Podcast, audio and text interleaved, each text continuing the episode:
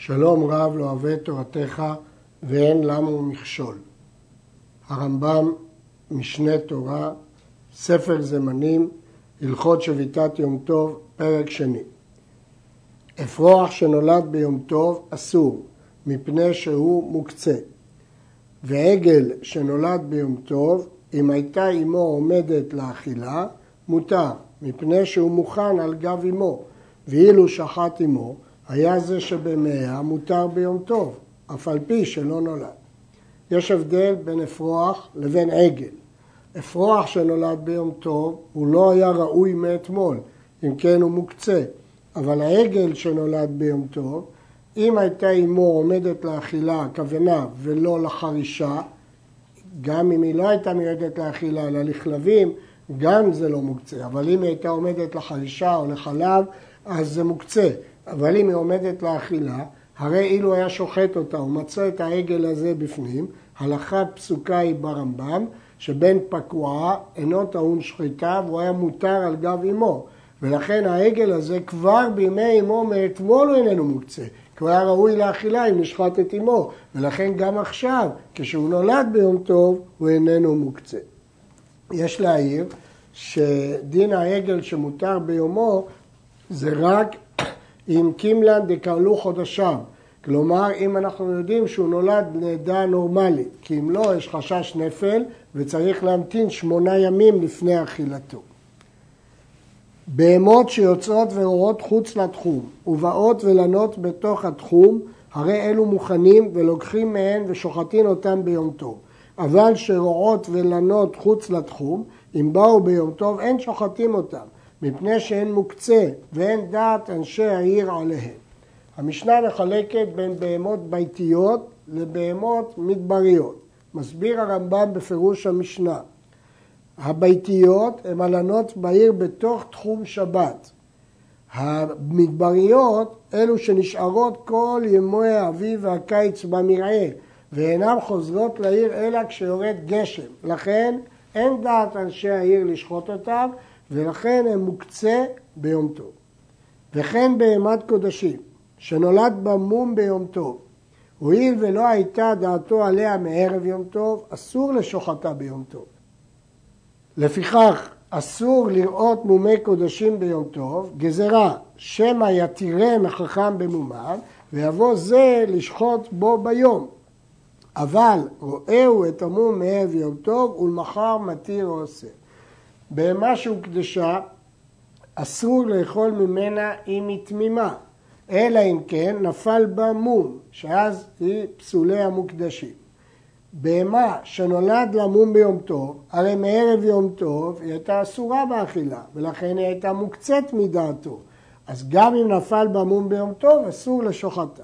מפני כך אסור לראות מומי קודשים ביום טוב, כיוון שגם אם החכם יתיר אותם, הרי אסור לשחוט, ויש חשש שאם הוא יתיר הוא יבוא לשחוט בו ביום. לכן גזרנו שבכלל לא רואים את המומים ביום טוב. אבל הוא יכול לראות מערב יום טוב, ולמחר הוא יקבע אם היא מותרת או אסורה, ולפי זה נקבע את מצב הבהמה. יש להעיר שיש נותנים טעם אחר לאסור את ראיית המומים. יש מי שאומר שמפני שיבוא לטלטל לפעמים מה שאינו ראוי. כלומר, שאם ימצא שאין המומום, נמצא שאין הבהמה ראויה, ויש חשש שהוא יבוא לטלטל. יש אוסרים מפני שזה נראה כמתקן, על ידי שהוא מתיר, נראה כמתקן. לא התבהר בדברי הרמב"ם מה דעתו אם עבר וביקר את המום שנולד בו מבערב. הרי הוא לא לגמרי מוקצה, כי סוף סוף נולד מום מבערב. אבל ב... הוא, הוא ראה החכם ביום טוב והתיר.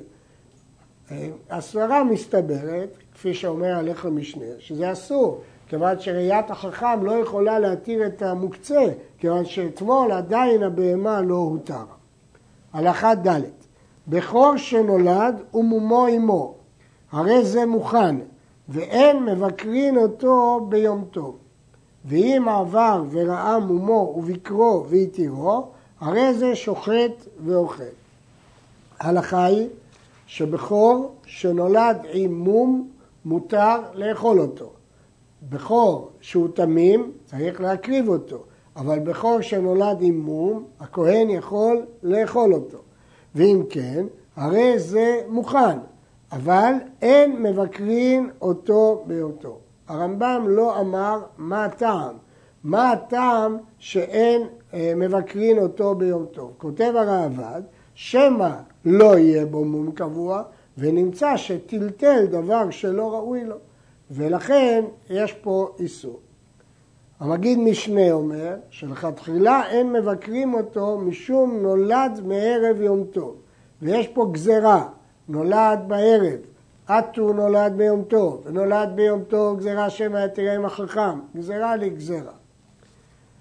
בכור, ואם עבר וראו מומו ובקרו והתירו, הרי זה שוחט ואוכל, כי בעצם הבכור הזה מוכן, כי הוא נולד ומומו עמו, והוא היה מוכן אגב אביו. בכור שנפל לבור, עושה לו פרנסה במקומו, שהרי אינו יכול להעלותו, מפני שאינו ראוי לשחיטה ביום טוב. יש איסור להעלות את הבכור הזה מן הבור, כיוון שכפי שראינו בהלכה הקודמת, אי אפשר לראות את המום ביום טוב, ולכן לא יוכל לשחוט. אם לא יוכל לשחוט, לא יוכל להעלותו, אבל משום צער בעלי חיים, מתירים לעשות לו פרנסה במקומו, דהיינו להוריד לשם מאכלים כדי שהבכור יוכל לאכול. אותו ואת בנו שנפלו לבור, לכאורה, הוא יכול לשחוט אחד מהם, אבל לא את שניהם. אז אם כן, היינו צריכים להתיר לו להעלות אחד מהם מהבור, כי הוא ראוי לאכילה, אבל את שניהם הוא לא יכול להעלות, ואז השני ימות. מה אם כן יעשה? התירו לו להערים. מעלה את הראשון על מנת לשוחטו ואינו שוחטו. הוא מעלה אחד ואומר אני רוצה לאכול אותו. אחר כך הוא אומר לו, הוא לא מצא חן בעיניי, אני רוצה את השני לאכול. הוא מערים, הוא מעלה את השני לשוחטו. ואז הוא יכול לשחוט רק אחד כמובן, אבל סוף סוף הוא הציל את שניהם מן הבור על ידי הערמה. ושוחט את איזה מהם שירצה. ואז הוא יוכל לשחוט לאו דווקא את השני, למרות שהסיבה שהוא לא שחט את הראשון, כי הוא אמר שהשני עדיף לו, אבל אחרי שהוא העלה את השני, הוא יכול לשחוט איזה מהן שירצה. יש להדגיש שיש מפרשים שאמרו שיכול גם לא לשחוט אף אחד, כך משמע מהירושלמי, כי אחרי שהוא הרים והעלה את שניהם, הוא יכול להגיד, אני לא רוצה בכלל עכשיו לאכול. אבל הרמב"ם לא פוסק כך, אלא פוסק שכל הערמה שהותרה זה להעלות את שניהם, אבל הוא חייב אחד מהם לשחוט ולאכול. ולמה התירו כאן הערמה? משום צער בעלי חיים התירו להערים, כדי שאחד מהבהמות לא תמות. בהמת חולין שנפלה מן הגג, והרי היא צריכה בדיקה. בהמה שנפלה מהגג, יש בדיקה שקובעת אם היא טרפה או איננה טרפה. שוחטין אותה ביום טוב ותיבדק. אפשר שתימצא כשרה ותאכל, למרות שיש סיכון שבגלל שהיא נפלה מהגג היא טרפה, והדבר יהיה תלוי רק בתוצאות הבדיקה, בכל אופן מתירים לשחוט ולבדוק, ואם היא תהיה כשרה, תאכל. הרי סוף סוף כל בהמה במידה מסוימת יש סיכון שהיא תהיה טרפה. נכון שכאן הסיכון יותר גדול, אבל סוף סוף, היות ויש אפשרות שהיא לאכול, שתימצא כשרה ותאכל, התרנו לשחוט. הבדיקה היא אמורה בהלכות שחיטה פרק ט', צריך לבדוק כנגד כל החלל, מקודקוד הראש עד הערך, והרמב"ם מפרט שם את צורת הבדיקה. ה. Hey, אווזים ותרנגולים ויונים שבבית, הרי אלו מוכנים ואינם צריכים זימון, אבל יוני שובח ויוני עלייה וציפורים שקיננו בטפחין או בבירה, הרי אלו מוקצה, וצריך לזמן מבערב ולומר אלו ואלו אני נוטל ואינו צריך לנענע. אם יש לו תרנגול או יונה או אבז בתוך הבית, ברור שזה מוכן לאכילה ולכן הוא איננו מוקצה. אבל אם הוא מחזיק אותם בשובח או בבירה, במקומות אה, אחרים, אם כן הוא לא הכין אותם לאכילה. עובדה שהוא לא הכניס אותם לתוך הבית, ולכן הם מוקצה. ואם הוא רוצה לאכול, הוא צריך מערב שבת, בערב יום טוב, לזמן, דהיינו לומר את מה הוא נוטל. אבל אין צורך לנענע, זה מחלוקת בית שמאי לבית הלל, והלכה שאינו צריך לנענע, אבל צריך לזמן. יש אומרים שכל זה ביונים שלא פורחות, כי אם הן פורחות, הן מוקצה כי צריך לצוד אותן, ואם כן, מה יועיל שהוא יזמן אותן? הרי הן מחוסרות צידה. אבל אה, הרמב"ם לא הזכיר את זה, מפני שכנראה המצב בשובחים האלה זה לא מצב של צידה ממש.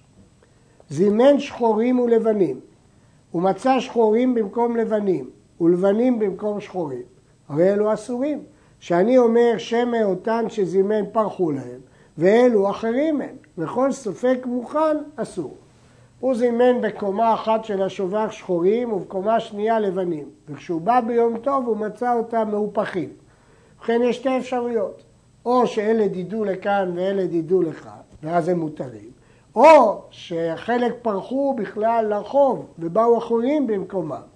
אם כן זה ספק מוכן, והלכה לפי הרמב"ם שכל ספק מוכן אסור.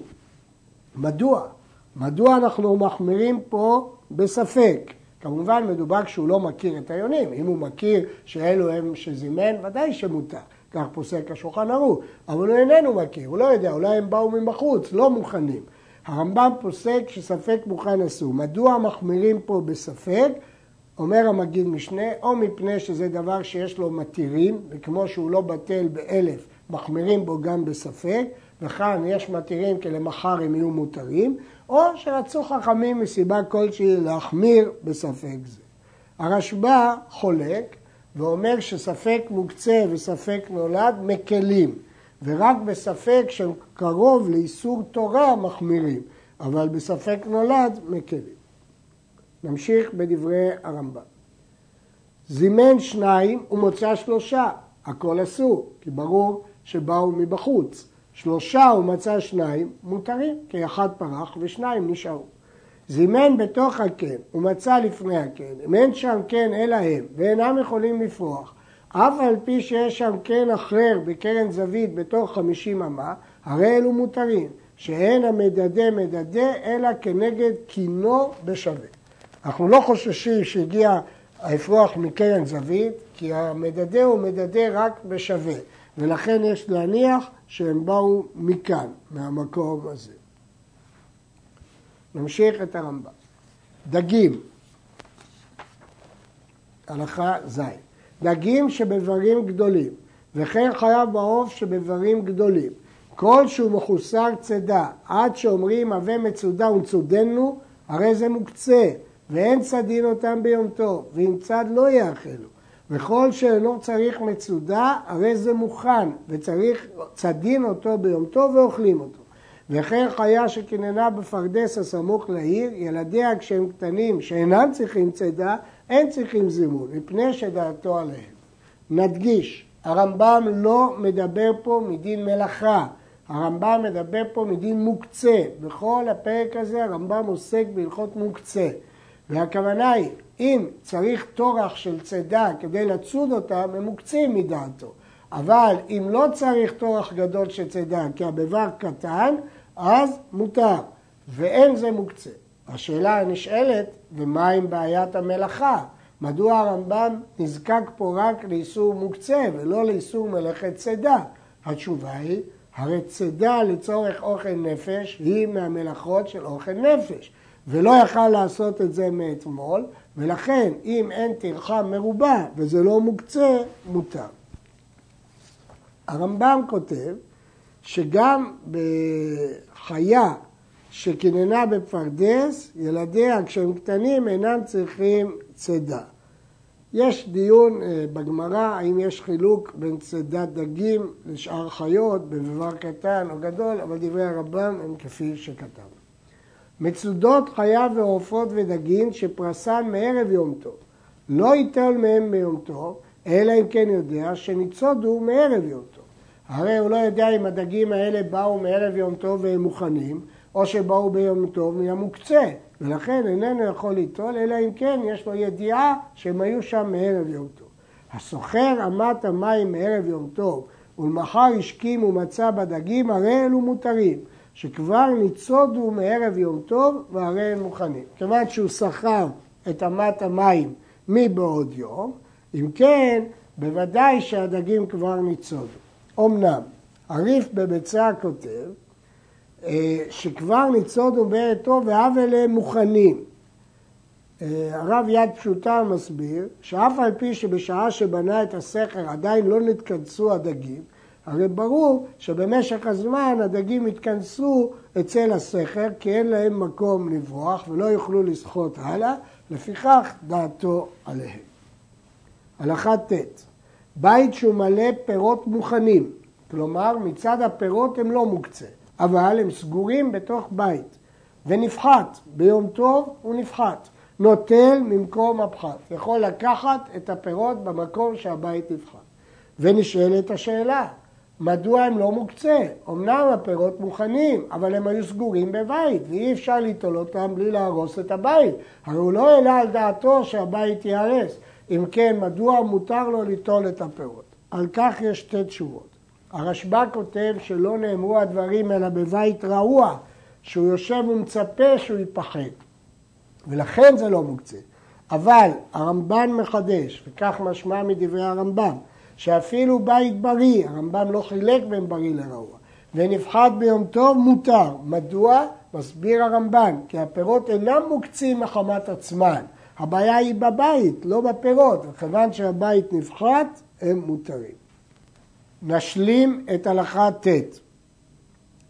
העומד על המוקצה מערב יום טוב בשנה שביעית שכל פירות הפקר צריך שירשום ויאמר מכאן ועד כאן אני נוטל ואם לא רשם לא ייטול. שוב הבעיה פה היא בעיה של מוקצה. המשנה אומרת עומד אדם על המוקצה, המוקצה זה האזור של המחסן הזה ואומר מכאן אני אוכל למחר. והחכמים אומרים עד שירשום ויאמר מכאן ועד כאן. פוסק הרמב"ם כחכמים. מדוע מזכירים דווקא שנת השמיטה? כיוון שאם השנה איננה שנת השמיטה, ודאי שזה מוקצה, כי לא הפרישו תרומות ומעשרות. אבל בשנת השמיטה פטורים מתרומות ומעשרות. בשנה רגילה שבת קובעת למעשרות. כלומר, ברגע שנכנסה שבת אי אפשר לאכול מפירות, זה נקרא שקבועים חייבים במעשרות. אז זה מוקצה, כי הוא לא הפריש מעשרות. אבל בשנת השמיטה, שאין בעיה מצד מעשרות ולכן הפירות אינם מוקצה, אם הוא רושם מערב שבת, מותר. גוי שהביא תשורה לישראל ביום טוב, אם יש באותו המין במחובר לקרקע, או שהביא חיה או עופות או דגים, שאפשר לצודן בו ביום, הרי אלו אסורים עד לערב, וימתין בכדי שיעשו. אפילו הדס וכיוצא בו, אינו מריח בו לערב עד שימתין בכדי שיעשו. ואם אין מאותו המין במחובר לקרקע, או שהייתה צורתו מוכחת עליו שמאתמול נעקרו ניצוד, אם מביאו בתוך התחום מותר, ומביאו מחוץ לתחום, הרי זה אסור לו. והבא בשביל ישראל זה מחוץ לתחום, מותר לישראל אחר. לכן גוי הביא מתנה לישראל. ויש חשש שהוא עקר את הצמח בשבת, או שהוא צד את העוף או את הדג בשבת. הרי אסורים עד לערב בכדי שיעשו, כי ייתכן שהם נקצרו או ניצודו בשבת. אלא אם בטוח מתוך הכרת המין הזה, שבוודאי הוא לא נקצר היום או לא ניצוד היום, אלא מראש, אז בתוך התחום זה מותר. על מה מדבר פה הרמב"ם? אומר הר"ן במסכת ביצה, יש כאן שתי בעיות. בעיה אחת שגוי עשה מלאכה בשביל ישראל, שאסור ליהנות ממנה עד מוצאי שבת בכדי שיעשו כפי שלמדנו בהלכות שבת.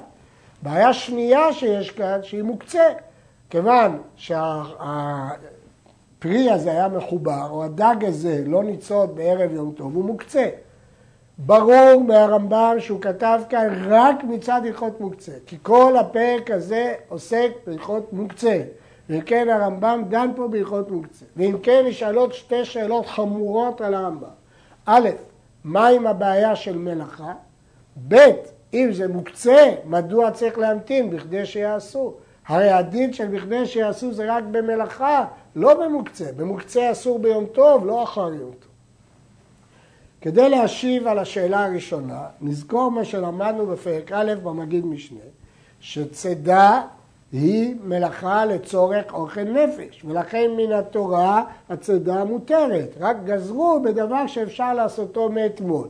אבל כשגוי הביא לישראל, לא גזרו. ואם כן, אין פה בעיה של מלאכה. אבל אז קשה במלוא חומרתה השאלה השנייה, אז מדוע צריך להמתין בכדי שיעשו? אם כל הבעיה היא רק מוקצה, אין דין במוקצה בכדי שיעשו. שאלה זאת שואל בעל שולחן ערוך הרב ומתרץ שכיוון שזה מוקצה, זה לא ראוי לאכילה. אם זה לא ראוי לאכילה, אם כן המלאכה נעשתה שלא לצורך אוכל נפש. ואם המלאכה נעשתה שלא לצורך אוכל נפש, פה גם בעיה של מלאכה, וצריך להמתין בכדי שיעשו. נשים לב שהרמב"ם הבדיל בין מלאכת קצירה וצידה לבין להביא מחוץ לתחום. לגבי הבאה מחוץ לתחום, כתב הרמב"ם כולה. הבא בשביל ישראל זה מחוץ לתחום, מותר לישראל אחר. דבר שני, כותב הרמב"ם, אם מביאו מחוץ לתחום הרי זה אסור, וייתכן לדייק מכאן שאם זה ספק מותר, שלא כמו במלאכה שאמרנו שאם זה ספק אסור. י"א עצים שנשרו מן הדקל ביום טוב, אסור להסיקם מפני שהם נולד, הם לא מוכנים מערב יום טוב להסקה, הם מחוברים לדקל.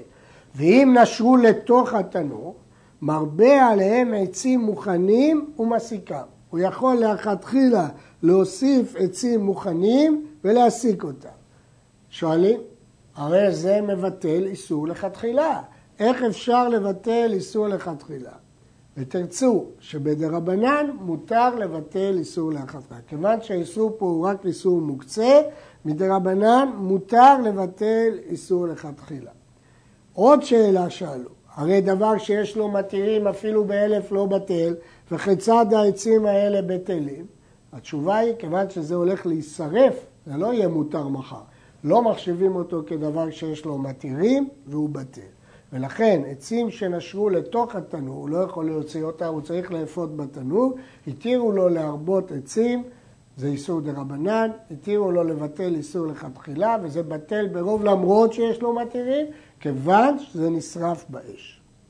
ערימת התבן ואוצר של עצים, מחסן של עצים או ערימה של תבן, אין מתחילים בהם ביום טוב, אלא אם כן הכין מבערב מפני שהם מוקצה. תבן מיועד למאכל בהמה. עצים לא מיועדים לבניין, הם לא מיועדים להסקה לכתחילה, אלא אם כן הוא הכין אותם מראש להסקה. ואם היה התבן מעורב בקוצים, שהרי אינו ראוי אלא לאש, הרי זה מוכן. אם התבן לא ראוי למאכל בהמה, אז ודאי שהוא מוכן להסקה.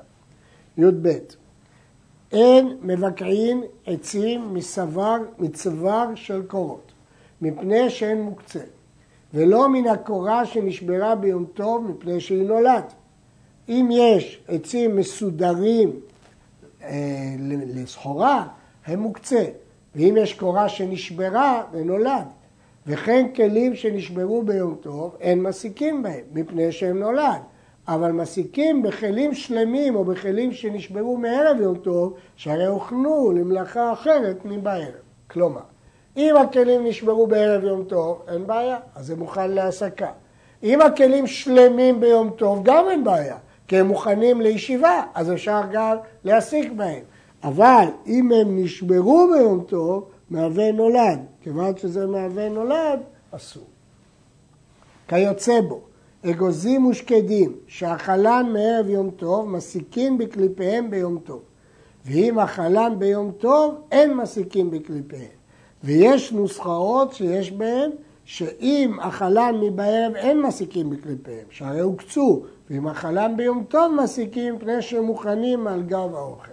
יש פה דבר מיוחד ברמב"ם שהוא מביא שתי נוסחאות בתלמוד.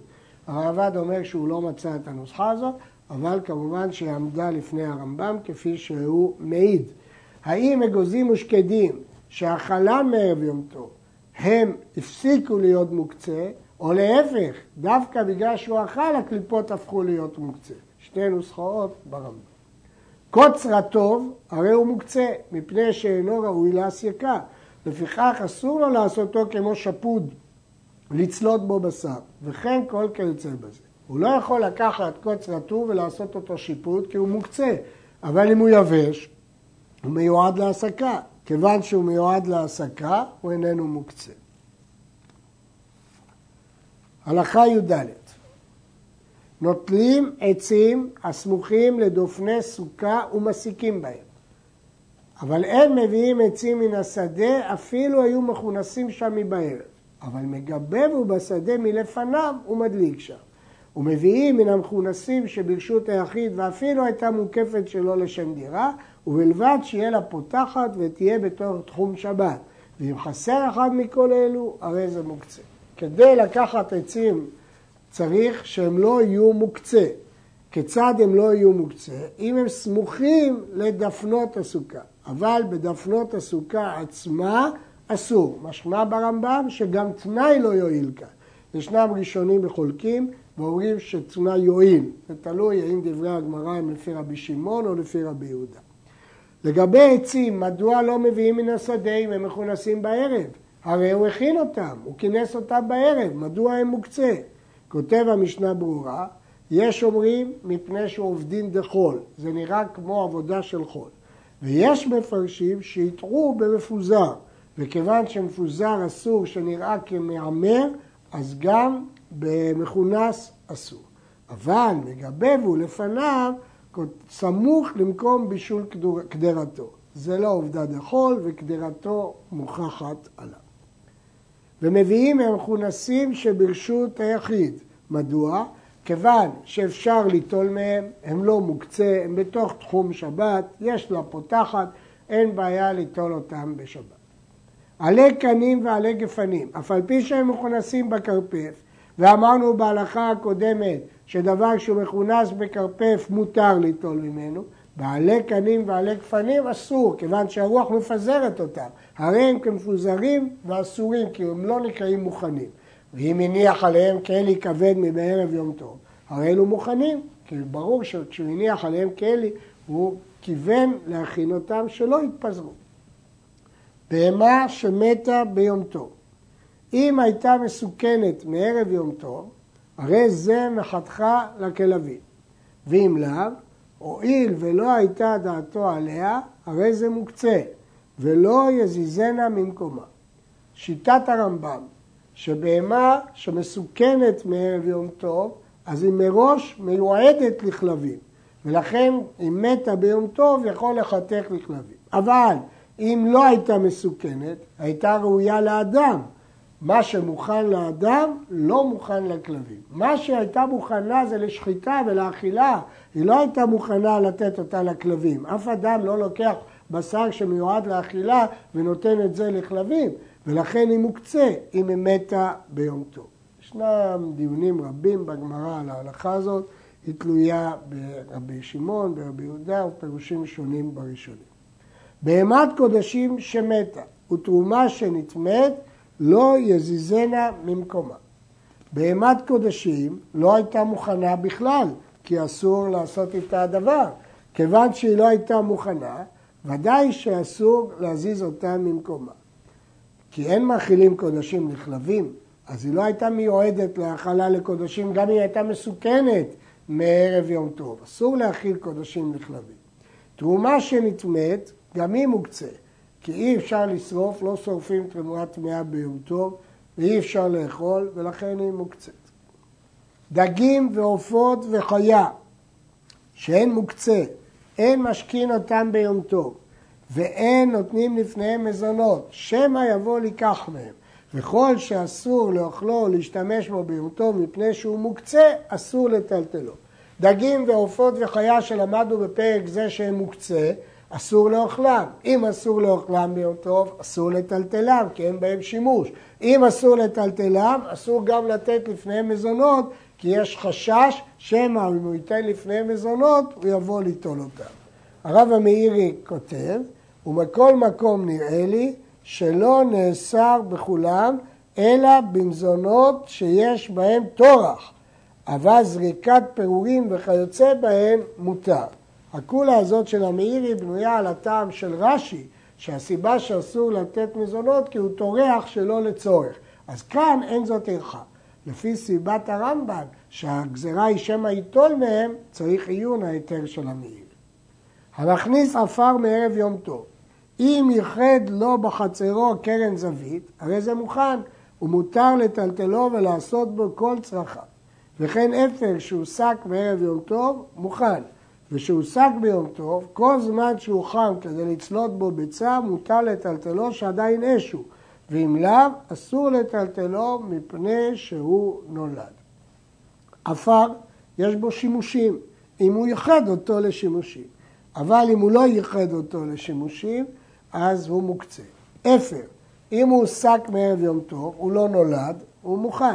אם הוא הוסק ביום טוב, אם הוא ראוי לצלייה, מותר, כי זה אש. אבל אם הוא יתקרר, אז נולד פה דבר חדש, אסור מדין נולד. מי שהיה לו דקר נעוץ מערב יום טוב, ונתקו ביום טוב והעלה עפר. אם היה אותו עפר תוכח, הרי זה מכסה בו ומטלטלו, כי זה ראוי לשימוש, אין פה בעיה של טחינה. אבל אם העלה גוש עפר, הרי זה לא יכתוש אותו ביום טוב. ולכן כל ההיתר להשתמש בעפר, שנלמד אותו בהרחבה בפרק הבא, זה רק אם הוא הכניס את הדקר, נעץ אותו וניתק אותו, ואז הגוש יתפורר ואין פה בעיה של קטישה.